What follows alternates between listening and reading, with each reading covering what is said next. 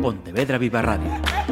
Cara a cara. Damas y caballeros, la Asociación de Directores de Informativos de Radio y Televisión da la bienvenida a Alberto Pires. Alberto Pires é vogal da Asociación de Gaiteiros eh, Galegos, ademais de artesán e gaiteiro. Así que o primeiro de todo, imos ser educados, benvido e grazas por aceptar a, a nosa invitación para estar a, aquí hoxe neste cara a cara. Grazas a ti, un placer. Imos charlar do teu traballo de música tradicional galega e dun libro que ven de reeditarse, que é Ricardo Portela, Dúas palabras, verbo da gaita galega de José Luis eh, Calle en García.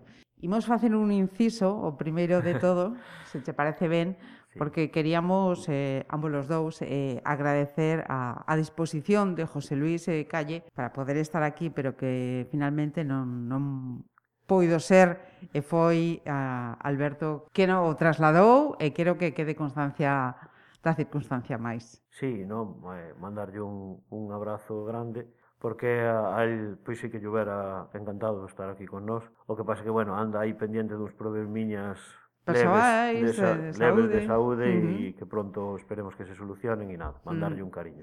Pois eh, enviamos ese agarimo a, a un canario exactamente de Tenerife, ¿no? Sí, que, que él se sinte como un galego de adopción, o te ensinalado aquí no, no prólogo do, do, do libro.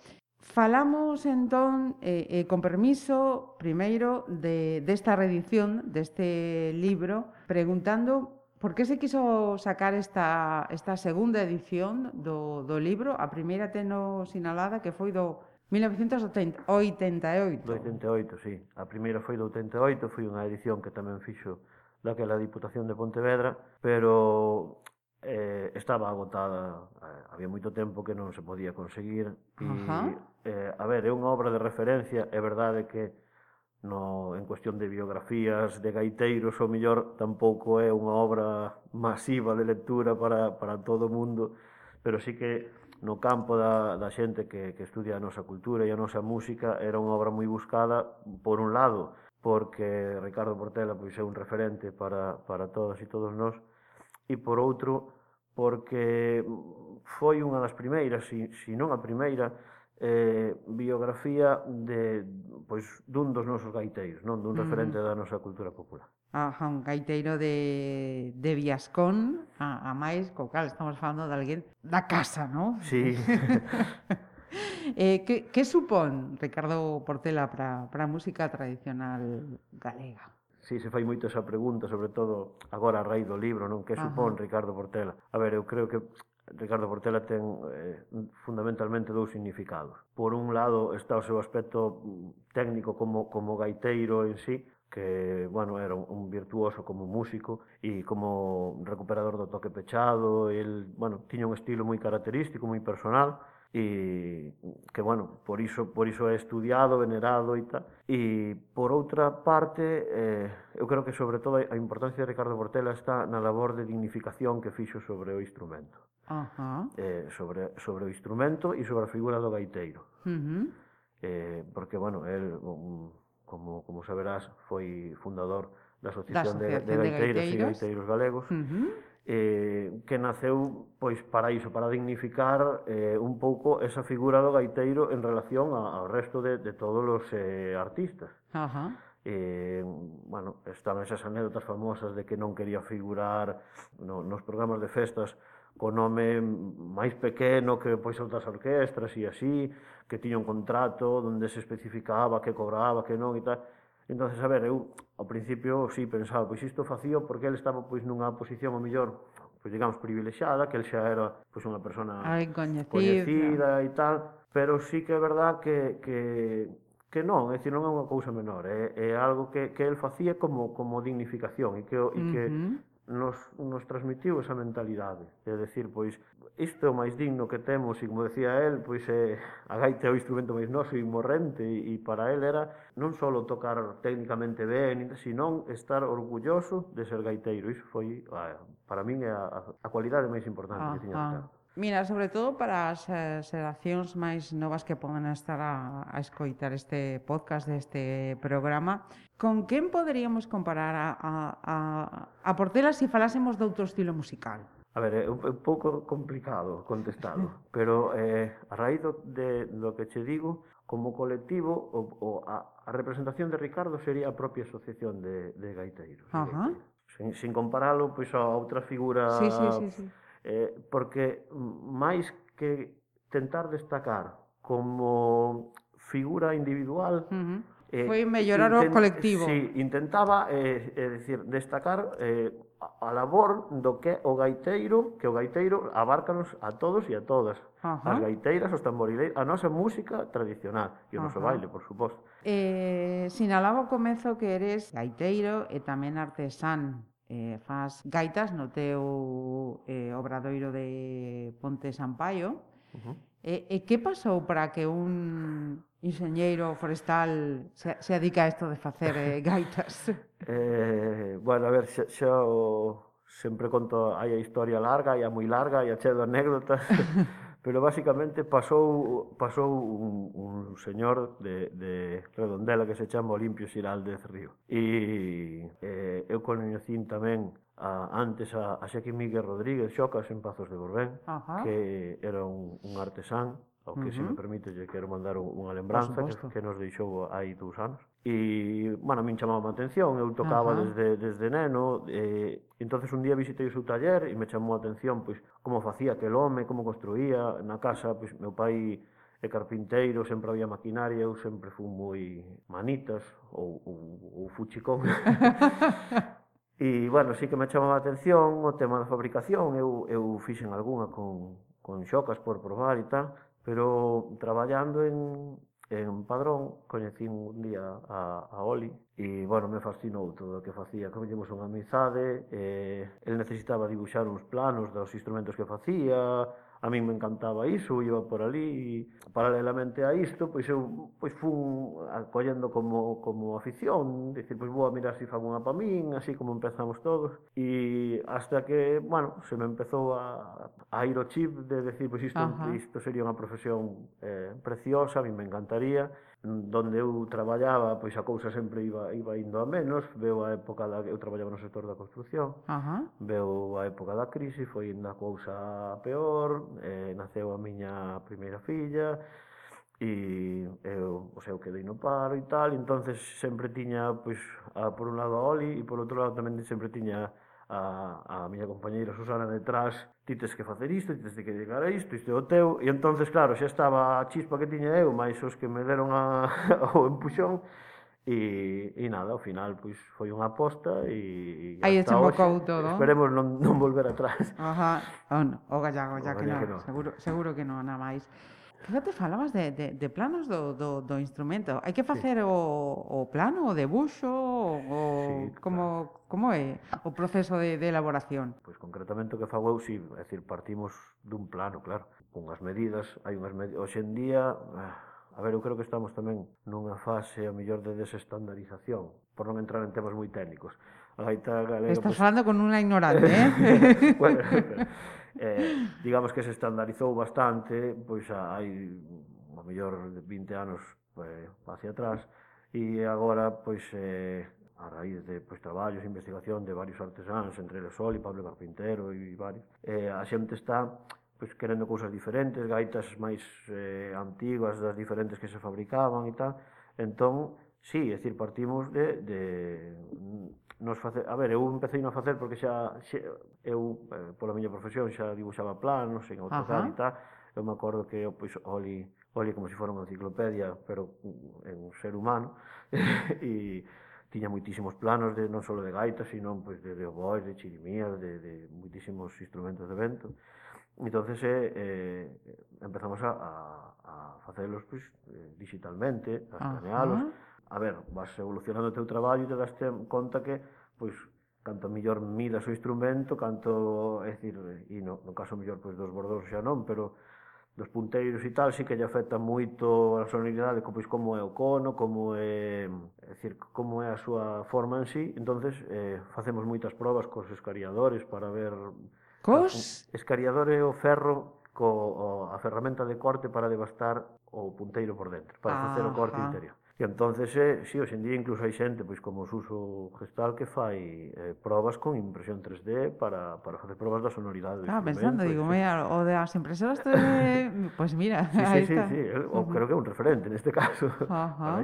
Falamos de, de sonoridade. Eh, quería preguntar tamén se, se a madeira hai unhas que sean mellores que outras para que a sonoridade tamén sexa mellor? A ver, podemos incluso debater unha hora disto, eh? Sí. sí, pero porque, a ver, aparte, eh, falando con, con Oli, Julio e Suso do, do tema este, Suso que fai probas con impresora 3D, pois podes incluso, se fas faz un estudio puramente sonoro, a chegar á conclusión de que non lle afecta nada. Uh -huh. eh, pero bueno, sí que é verdade que partindo da mesma feitura e todo, cada madeira ten as súas cualidades. Uh -huh. Eu, por exemplo, Eu son un enamorado da madeira, a mí encanta a madeira e fago instrumentos de madeira porque é o que me gusta. E a madeira é unha cousa viva, cada un, uh -huh. é un eh, cada unha ten o seu as súas peculiaridades e, home, non vamos entrar agora, supoño, en materia de calé, mellor, calé, o sea, que peculiaridades ten cada un, pero, bueno, sí que, lógicamente, ten que ser unha madeira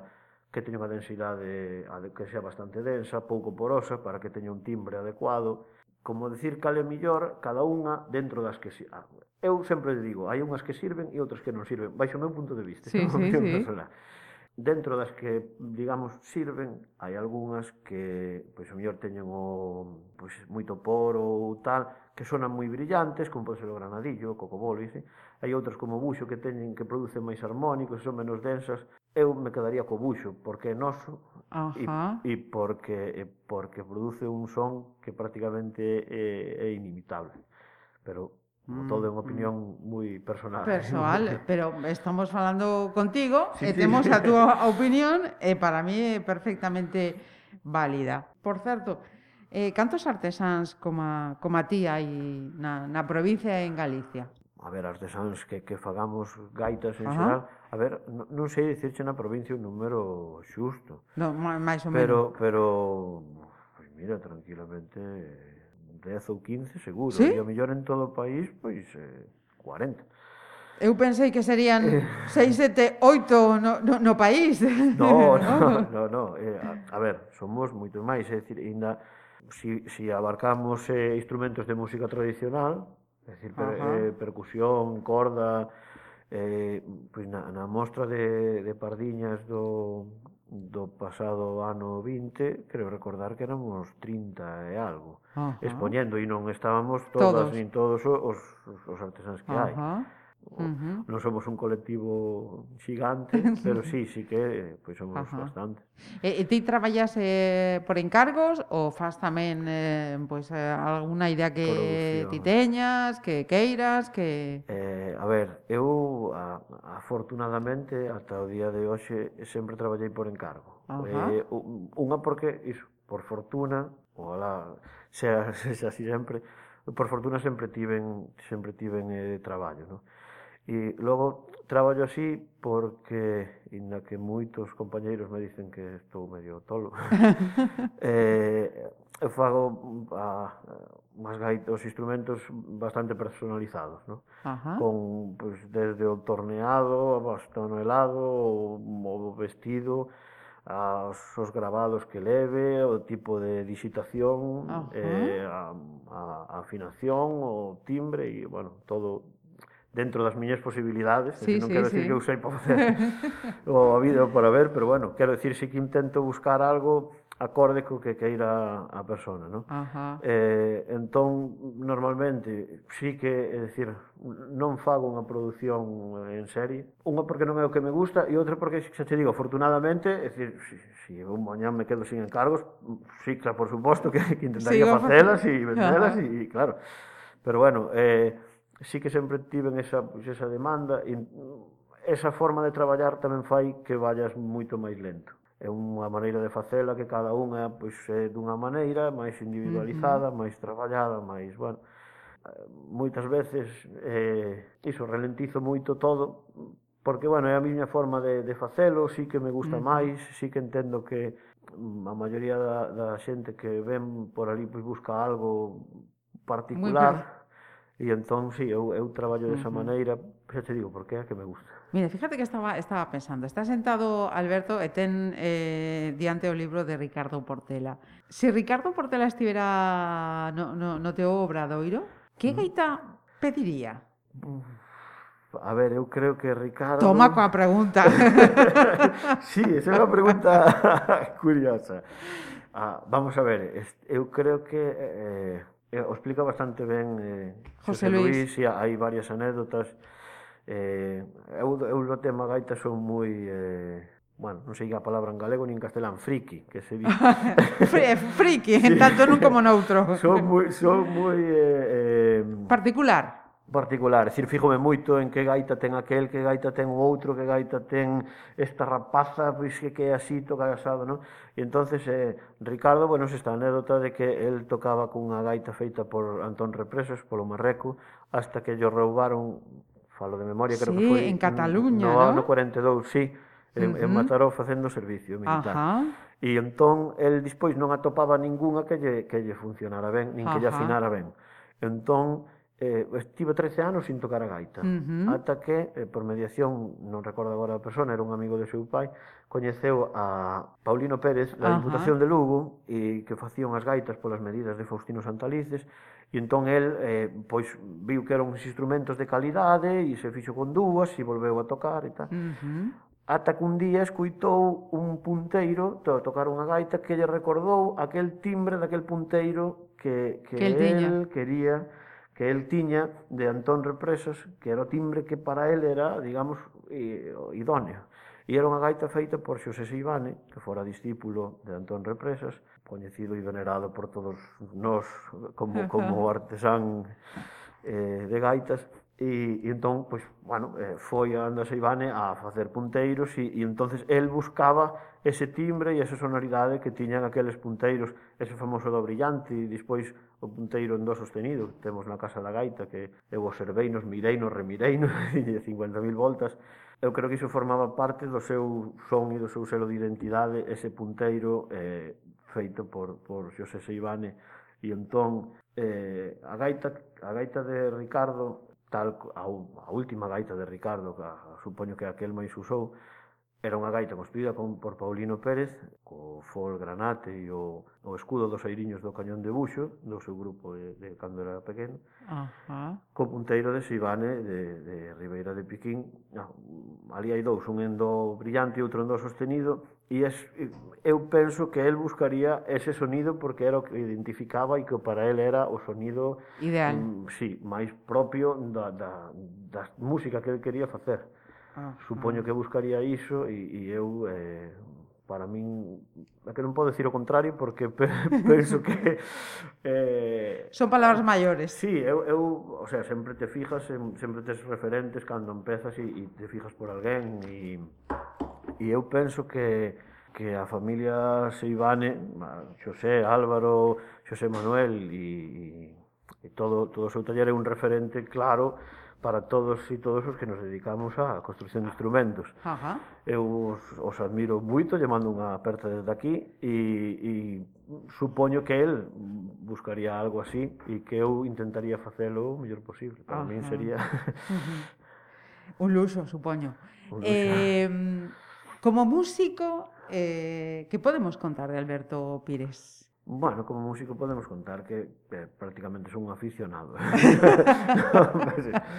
no, a ver, eh, me gusta moito, moitísimo. Feito eu era, eh, eu empecé con 11 anos a tocar o tambor, a miña percusión encántame. Despois a, eh, arrimei má gaita e ah. todo. E, a, sempre me enganchou, dende que empecé de, de rapaz, acórdome que pois no verán cando había mm, que podíamos ir á praia, ali ao río e tal, todo o mundo pois o viernes tarde que era o ensaio xa non xa pasaba un pouco de ir e non, eu iba a ensayar, aínda que houbera unha persoa sola. A min ir a ensayar, de feito, o que máis voto de menos de, de deste estado todo no que estamos, do estado de alarma, do da pandemia uh -huh. e tal, é un ensaio máis que eu, máis que, home, si, sí, voto de menos ir a tocar e dar alboradas uh -huh. e todo, pero o que é o, o ensaio que temos cos compañeiros e, e co eh, ese trato de, de, de pois, casi o que queremos estar xuntos sí, eh, eh para, imagino, min, para min é fundamental, Podo... claro, é parte fundamental da miña vida. Podo imaginar. Mira, eh, quería preguntar eh, tamén, como directivo da Asociación de, de Gaiteiros eh, Galegos, eh, como, como veis como está a, a, a produción e eh, o consumo do, do público da, da música tradicional galega, do folk galego. Eu sempre era moi, moi, moi optimista porque, eh, digo era, falo, lógicamente, antes do coronavirus. Sí. Eu decía, pero se hai moitísimas asociacións culturais, temos eh, un, un día que, que me que me facía unha entrevista cando presentáramos o memorial Ricardo Portela, o titular era Oxe temos os mellores mestres de música tradicional. E sí que o penso, é dicir, hoxe en día temos eh, eh, grandísimas profesionais dando clases nos conservatorios, nas, nas asociacións culturais, temos escolas eh, referentes como a Trade Escola para, para formación de moitísima xente, E, e hai moitos colectivos, moitos grupos, eh, mm, e, se celebran moitos eventos, o sea, non, non estou dicindo que sexamos ni máis ni menos que a ninguén, pero Ajá. sí que ao mellor eh, músicas eh, eh, chamolle tradicionais, regionais, de, de moitas outras partes, pois, pues, de, de España mesmo, de outros países, sí, sí. que, eh, decir, eh, incluso, que non teñen eh, actividade que hai aquí. Unha, mm, me comentaba unha vez eh, Juan Fran Ballesteros, que un, é un rapaz de Castellón aficionado o e, aficionado non, amante e gran profesional Ajá. da, da música tradicional e que, que Galicia era un exemplo de, de, de que a decir, ti no verán querías ir pois a dous seráns no día e ibas a festas a, eh, lógicamente levan o componente gastronómico todo porque sí. ten que venir unha cosa coa outra pero sí que había dispois que pasou eh, claro como na maioría como lle afectou a moitísimas cousas Ajá. deu unha pandemia mundial e, e bueno, non hai explicacións que dar uh -huh. E despois eh, si caí nese aspecto, pois eh, a, a, o mundo xa non digo da música tradicional, eu penso que da cultura en xeral é un pouco a gran esquecida, porque eh, lóxicamente todos, todos eh, os colectivos teñen que recibir as axudas posibles non,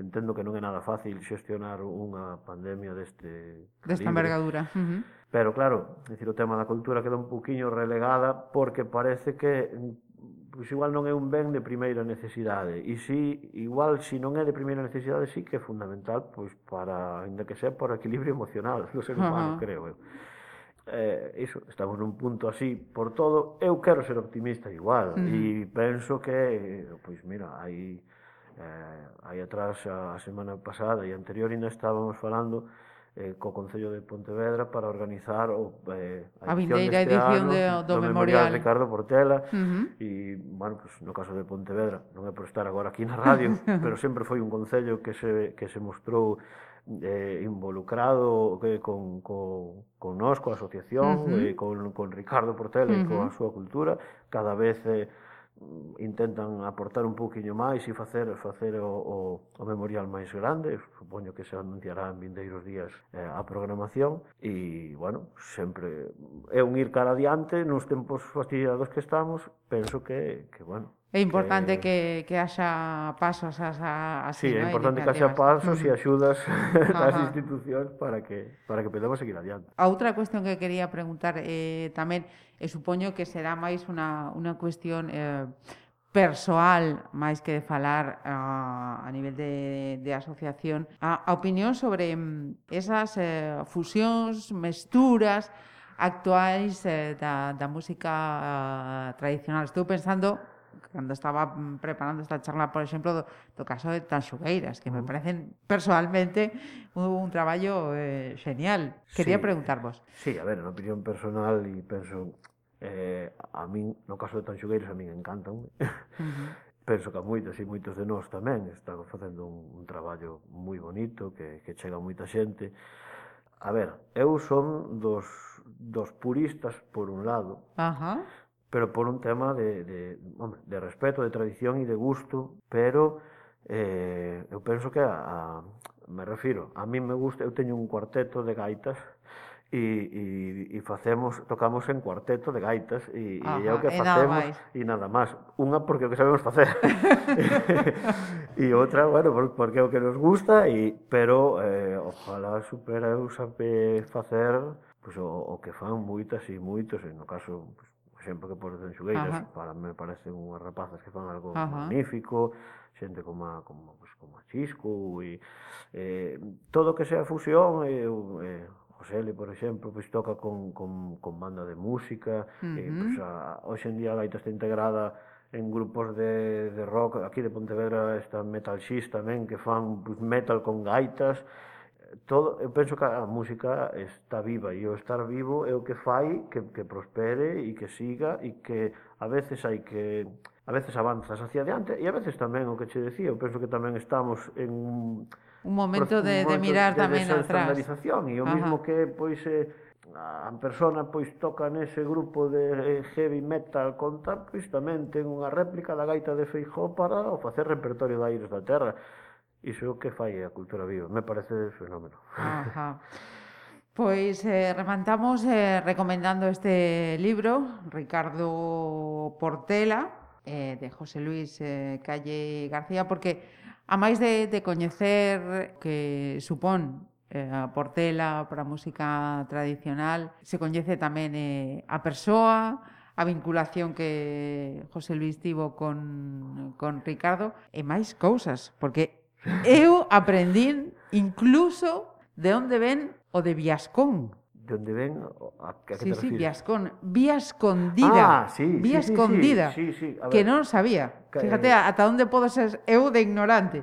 Pois pues mira, aprendí lendo o, o libro de Ricardo Portela. É unha obra que si ben non é moi extensa, vamos a ver, eh, José Luis Calle, no, no trato que eu tiven con el, de ler a súa obra, é unha persona eh, moi eh, seria, metódica e que, e que é dicir, a veces non se pode facer tanto nunha, nunha obra, pois o mellor tan corta, uh -huh.